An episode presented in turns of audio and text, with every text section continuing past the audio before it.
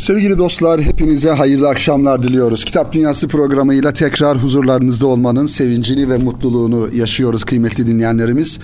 Efendim yeni bir Kitap Dünyası programıyla ve yeni kitaplarımızla, yeni konularımızla inşallah bize ayrılan süre içerisinde dilimizin döndüğünce yine sizlere güzel kitaplar ulaştırmaya, onları aktarmaya çalışacağız sevgili dinleyenler.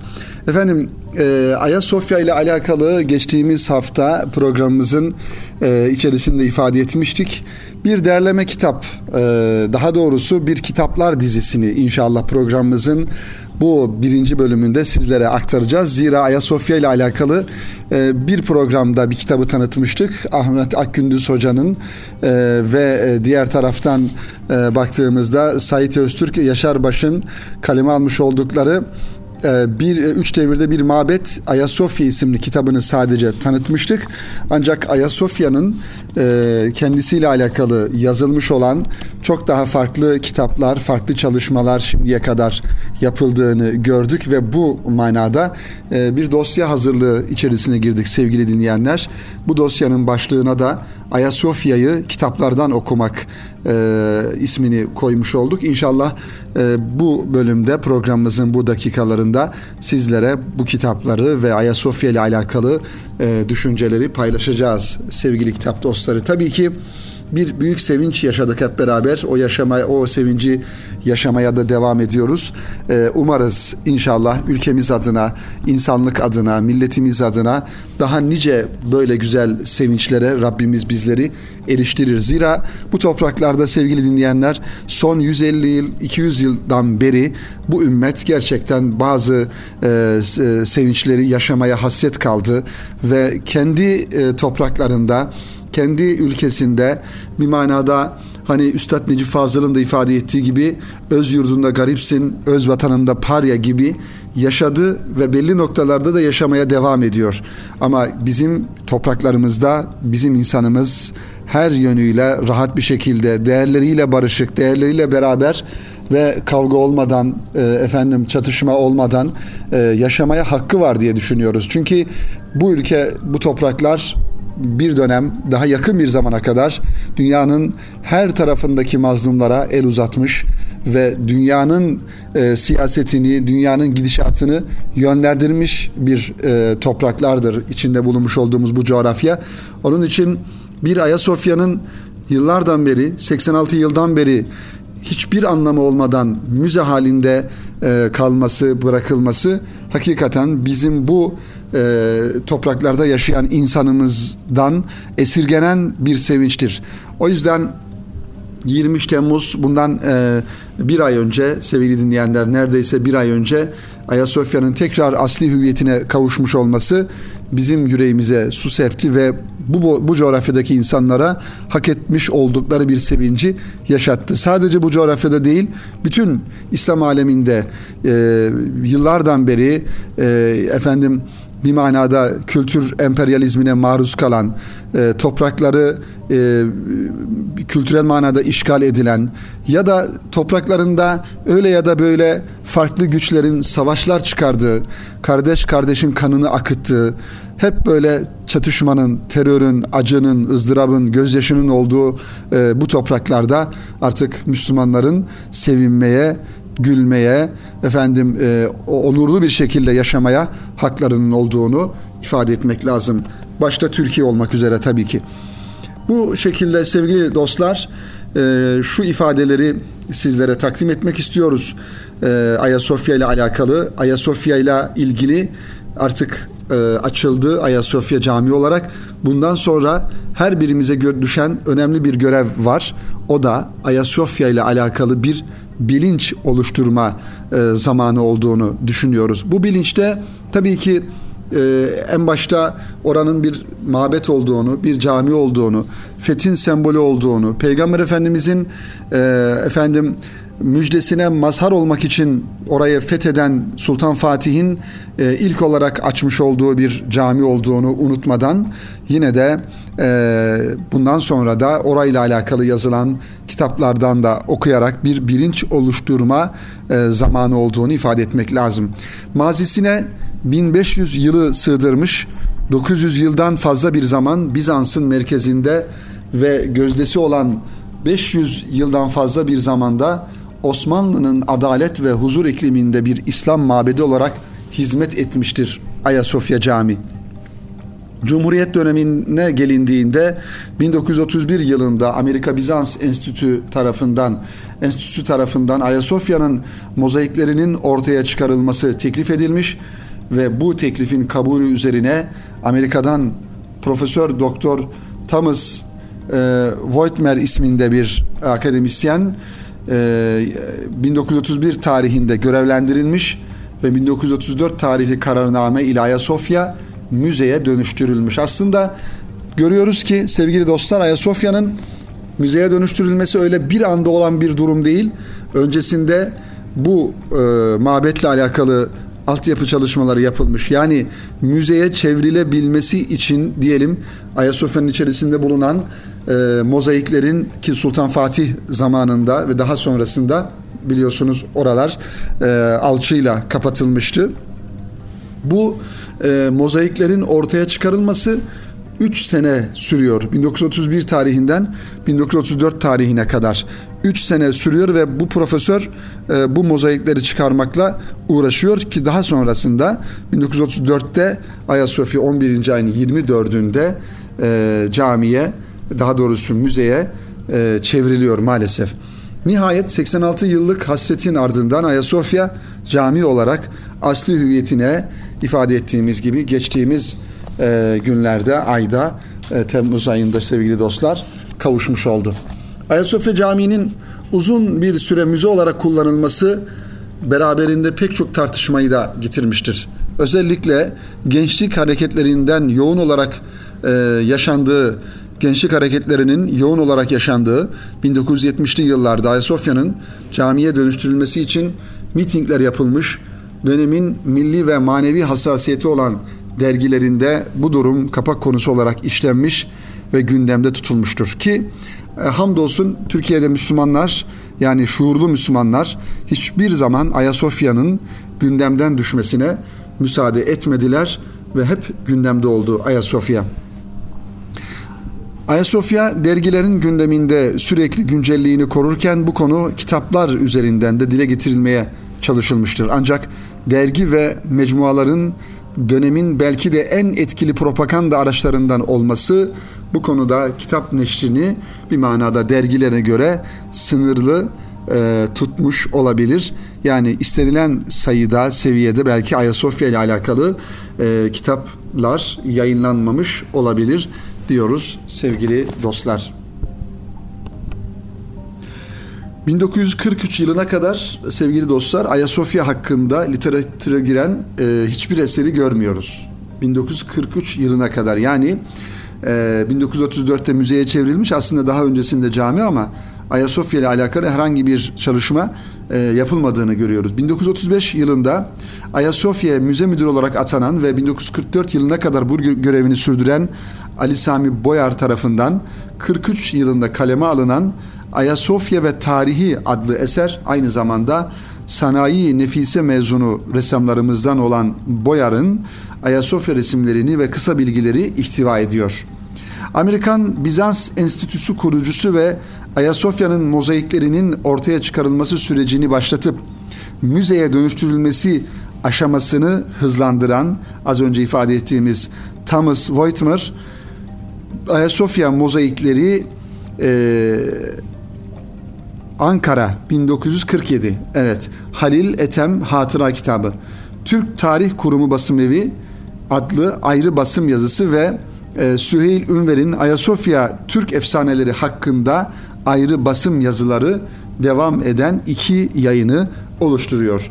Yani Ayasofya'nın e, 1934 yılından e, sonra yani 1948 yılına kadar birkaç tane, iki tane kısıtlı çalışma yapıldığını e, görüyoruz sevgili dinleyenler. İstanbul'un fethinin 524. yıl dönümü dolayısıyla hazırlanan İstanbul Fatih, Fetih ve Fatih devri hakkında yazılmış kitaplar e, bibliografisinde ki bunlara baktığımızda sadece beş kitap ve iki ayrı basım künye olarak yer almaktadır. Yukarıda az önce ifade etmiş olduğumuzların haricinde ise birkaç kitap daha var.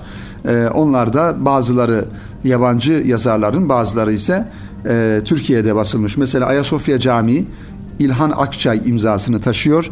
Yine Ömer Kirazoğlu merhumun İslamiyet, Fatih ve Fetih Camii Ayasofya Konya'da basılmış bu kitap sevgili dostlar 1966 yılında Kanaat Matbaası'nda e, basılmış kısıtlı çalışmalar.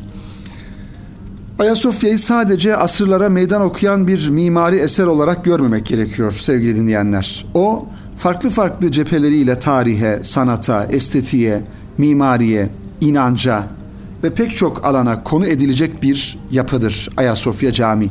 Bu yönüyle bakıldığında Ayasofya üzerinde farklı disiplinlerin konuşması ve bir şeyler yazması zaruri hale geliyor. Özellikle Ayasofya ne idi, ne oldu sorusunun cevabını bulabilmek için bu işin tarihine ayrıntılı bir şekilde bakmamız icap ediyor. Bu konuda bir başucu eser olarak e, ifade edebileceğimiz ki geçtiğimiz haftalarda da Kitap Dünyası programında sizlere takdim ettiğimiz Üç Devirde Bir Mabet isimli kitap Ayasofya Profesör Ahmet Akgündüz, Sait Öztürk, Yaşar Baş'ın Osmanlı Araştırmaları Vakfı tarafından çok hassasiyetle, özenle gerçekten güzel bir çalışma olarak basılmış e, bir kitap. E, bu e, kapsamlı bir çalışma olarak Ayasofya ile alakalı üç hocamızın çalıştığı, çalışmış olduğu eseri ifade edebiliriz. Bu eser sevgili dostlar Ayasofya'yı özellikle Türk hakimiyeti dönemiyle ilgili olarak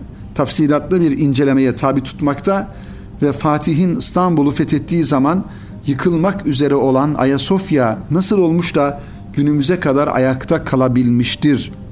Evet bu önemli bir soru. Fatih'le başlayan ve son Osmanlı padişahına kadar devam eden imar faaliyetlerinde Ayasofya'yı ayakta tutabilmek için her padişah neler yapmış, neler harcamıştır. Bizans'tan devralındığında tek bir yapı olan Ayasofya daha sonra nasıl külliye haline getirilmiştir sorularını cevaplamaktadır. Evet bu önemli bir husus. Altını çiz, altını çizmemiz gereken bir nokta sevgili dostlar. Ee, insanlar zannediyorlar ki Ayasofya 1453 yılında fethedildiği e, haliyle bugün bu şekilde. Halbuki öyle değil. Ayasofya Sultan Fatih İstanbul'u fethettiği zaman Ayasofya'nın e, kubbe tarafına çıktığında baykuşların orada yuva yaptığını, Ayasofya'nın harap bir vaziyette olduğunu, neredeyse duvarlarının yıkılmak üzere olduğunu zaten ifade ediyor. Bu tarihi kaynaklarda da yer buluyor. Onun için aslında hem Hristiyan alemi hem Avrupa hem bugün Ayasofya'nın cami olarak açılmasına karşı çıkan zihniyet şuna sevinmeli ki Ayasofya Osmanlı sultanları tarafından başta Sultan Fatih olmak üzere ta Vahdettin'e kadar merhum cennet mekan Vahdettin'e kadar e, her birisi her bir padişah Ayasofya'ya büyük harcamalar yapmış ve Ayasofya'nın ayakta kalabilmesi için o mimari yapısını koruyabilmesi için büyük çaba sarf etmiştir, harcamıştır. Hiçbir Avrupalı devlet başkanı, hiçbir Avrupalı o zamanlar kral veya her neyse hangi birisi acaba bir İslam mabedine, bir Osmanlı mabedine böyle bir hassasiyet göstermiştir sevgili dinleyenler. Kitabın sevgili dostlar e, belki de en önemli özelliği bu bahsetmiş olduğumuz 65.3 metrelik Ayasofya Vakfiyesi'nin tamamının Türkçe tercümesinin ve mimar Fossati'nin Sultan Abdülmecid'e sunduğu orijinal Ayasofya albümünün eserde yer almasıdır. Kitabın hülasa edilerek kısaltılmış hali ise kiliseden müzeye Ayasofya Camii e, ismiyle 2006 yılında basılmış daha özet bir kitap olarak kıymetli dinleyenler. Ayasofya'nın camiye tekrar dönmesi maşeri vicdanın elbette ki ortak talebiydi ifade ettiğimiz üzere. Bu hususta pek çok mücadeleler verildi.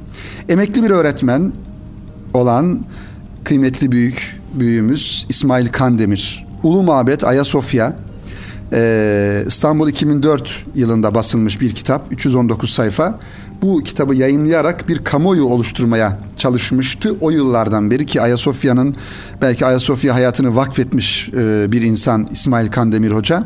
Nitekim yıllar sonra Danıştay'a açtığı dava neticesinde Ayasofya'nın cami olarak ibadete açılması meselesinde öncü rol üstlenen İsmail Kandemir'in yayınlamış olduğu bu hacimli eser Ayasofya'nın hukuksuz bir şekilde müzeye çevrildiğini de ortaya koyuyor, gün yüzüne çıkarıyor. Eserde ifade ettiği gibi bilgi ve belgeler eşliğinde işin safahatının anlatıldığı bu kitap bir manada Ayasofya ile alakalı arşiv niteliği taşıyor.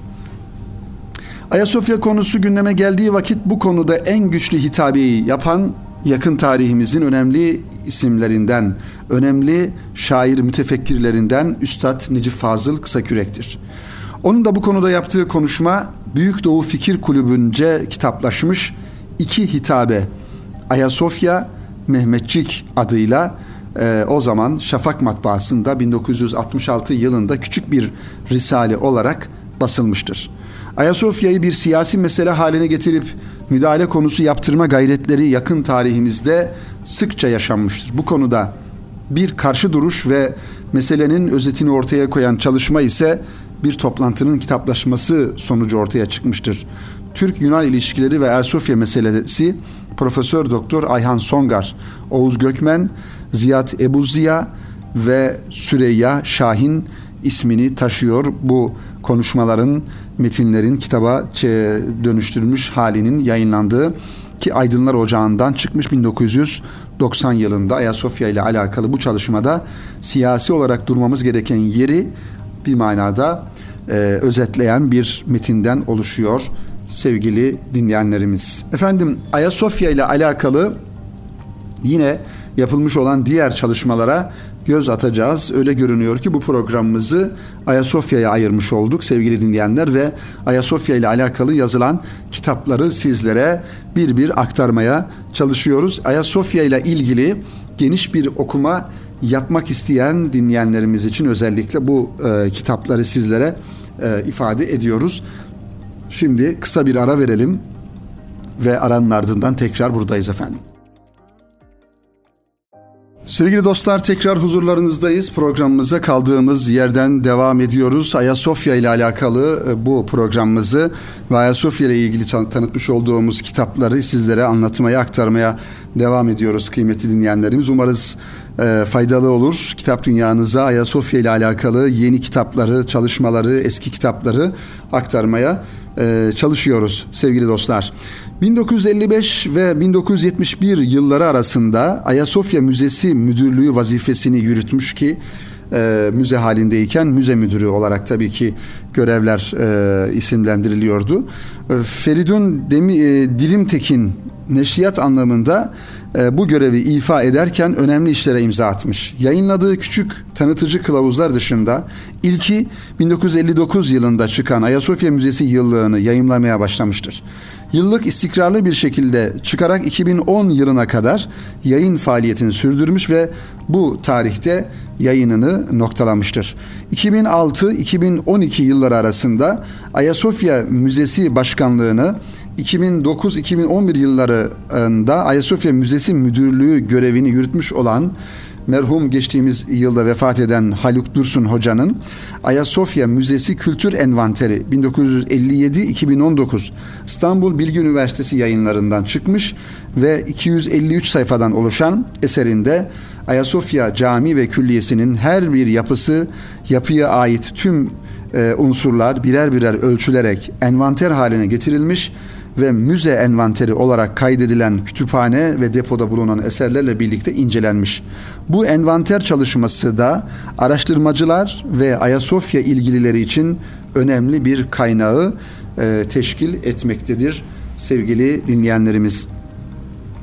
Sanat tarihi yönünden belki üzerinde çok konuşulması gereken Ayasofya bu konuda da sınırlı çalışmaya konu olmuş. Bunlardan ilki Semavi Eyici Hoca'nın Ayasofya e, 1922 e, 2018 Yapı ve Kredi Bankası yayınlarından çıkan bu ismi taşıyan 3 ciltten oluşan bir çalışma Ayasofya. E, kitabın birinci cildi Bizans döneminde Ayasofya'nın tarihçesi ve mimarisini, ikinci cildi yine Bizans dönemindeki Ayasofya'nın mozaiklerine ayrılmış. Üçüncü cildi ise Türkiye döneminde Ayasofya başlığını taşıyor ki başta ifade ettiğimiz Ahmet Akgündüz Hoca'nın e, bir mabet, bir mabet, üç devir, bir mabet Ayasofya isimli kitabına da kitap çalışmasına da benziyor bu kitabın hazırlanma e, şekli sevgili dinleyenler.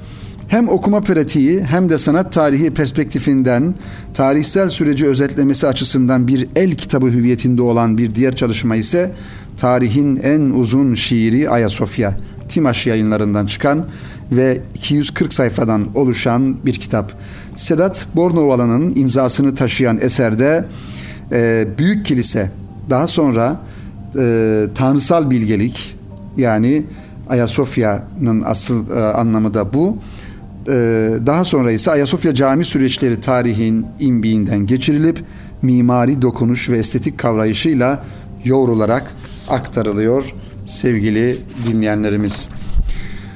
Sultan Abdülmecid'in emriyle Ayasofya'nın tamiriyle vazifelendirilen İsviçreli mimar Fossati 1846 yılında aldığı işi 1849'a tamamlamıştır. Ayasofya ve çevresiyle ilgili yapılmış en kapsamlı restorasyon ve inşa faaliyeti gerçekleştiren Fossati, Ayasofya'nın iç ve dış görünüşleriyle çevresini gösteren bir albüm hazırlayıp bunu Sultan Abdülmecit'ten sağladığı ihsanla 1852'de Londra'da bastırır.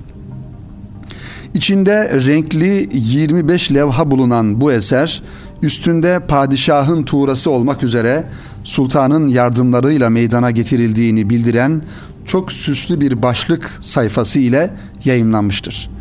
19. yüzyılda Sultan Abdülmecit döneminde yani 1839-1861'li yıllar arasında İsviçreli iki kardeş mimarın Gaspare ve Giuseppe Fossati'nin gerçekleştirdikleri çalışmaları anlatan Ayasofya ve Fossati, Fossati kardeşler e, isimli eser yapılan çalışmayı tafsilatlı anlatıyor ki bu eserde Arkeoloji ve Sanat Yayınları arasından 2011 yılında çıkmış Sema Doğan imzasını taşıyor sevgili dostlar.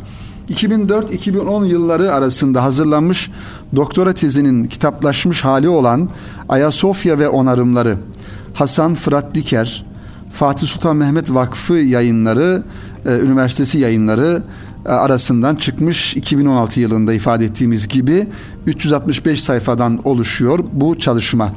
Bu ise bu eser Semavi Eyice'nin de ifadesiyle yapıldığı tarihten itibaren Ayasofya'nın geçirdiği onarımların neler olduğunu sırasına göre ortaya koymaktadır ve Ayasofya için bu kitabı ilk toplu araştırma denemesi olarak kabul etmek gerekir.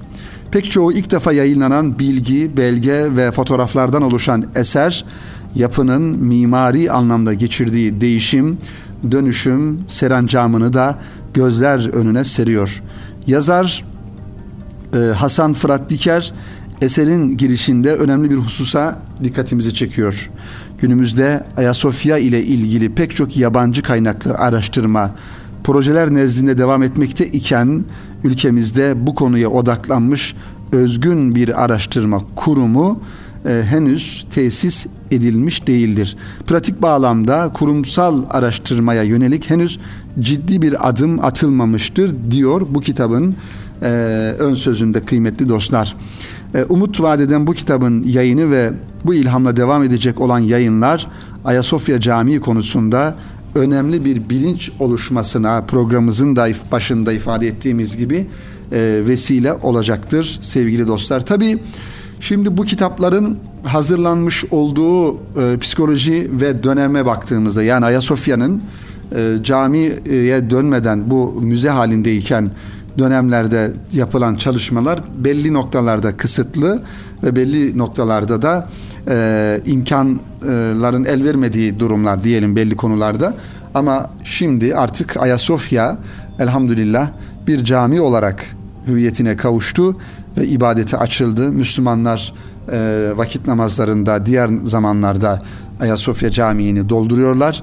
Tabi öbür taraftan da e, burada da ifade edildiği üzere sevgili dostlar Ayasofya ile alakalı bir araştırma e, kurumunun tesis edilme, edilmemişse edilmesi mutlaka gerekiyor. Sadece e, Ayasofya ile alakalı araştırmalar ki Osmanlı Araştırmaları Vakfı'ndan çıkmış mesela Ahmet Akgündüz Hoca'nın kitabı aslında müstakil manada Ayasofya ile alakalı bir araştırma merkezinin e, hemen ivedilikle açılması ve bu yönde çalışmaların yapılması ee, ve bu e, mabetle alakalı bilgilerin, belgelerin, fotoğrafların ne varsa elimizde arşivlerde her birisinin insanların istifadesine sunulması elbette ki isabetli olacaktır sevgili dostlar.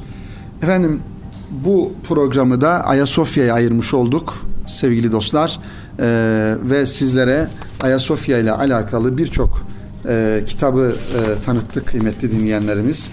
Şöyle baktığımızda gerçekten Ulu Mabet Ayasofya, Ayasofya Müzesi yıllığı, Ayasofya ve onarımları, üç devirde bir mabet Ayasofya, tarihin en uzun şiiri Ayasofya e, gibi Ayasofya Müzesi kültür envanteri, Ayasofya Camii gibi İstanbul Fatih Fetih ve e, Fatih Devri hakkında yazılmış kitaplar bibliografisi gibi çalışmalar e, baktığımızda 3, 6, 10 tane kitabı sizlere zikrettik programımızın e, akışı içerisinde Ayasofya ile alakalı sevgili dinleyenler. E, umarız kütüphanemizde artık bundan sonra bir Ayasofya kitaplığı olur ve bu konuda da yeterli bilgileri elde etmiş oluruz sevgili dinleyenlerimiz. Efendim önümüzdeki hafta yine aynı gün ve saatte buluşmayı ümit ediyoruz. Rabbimizden niyaz ediyoruz ve Kitap Dünyası programını dinleme zahmetinizde bulunduğunuzdan dolayı her birinize ayrı ayrı teşekkür ediyoruz sevgili dostlar. İnşallah haftaya buluşmak üzere. Allah'a emanet olunuz efendim.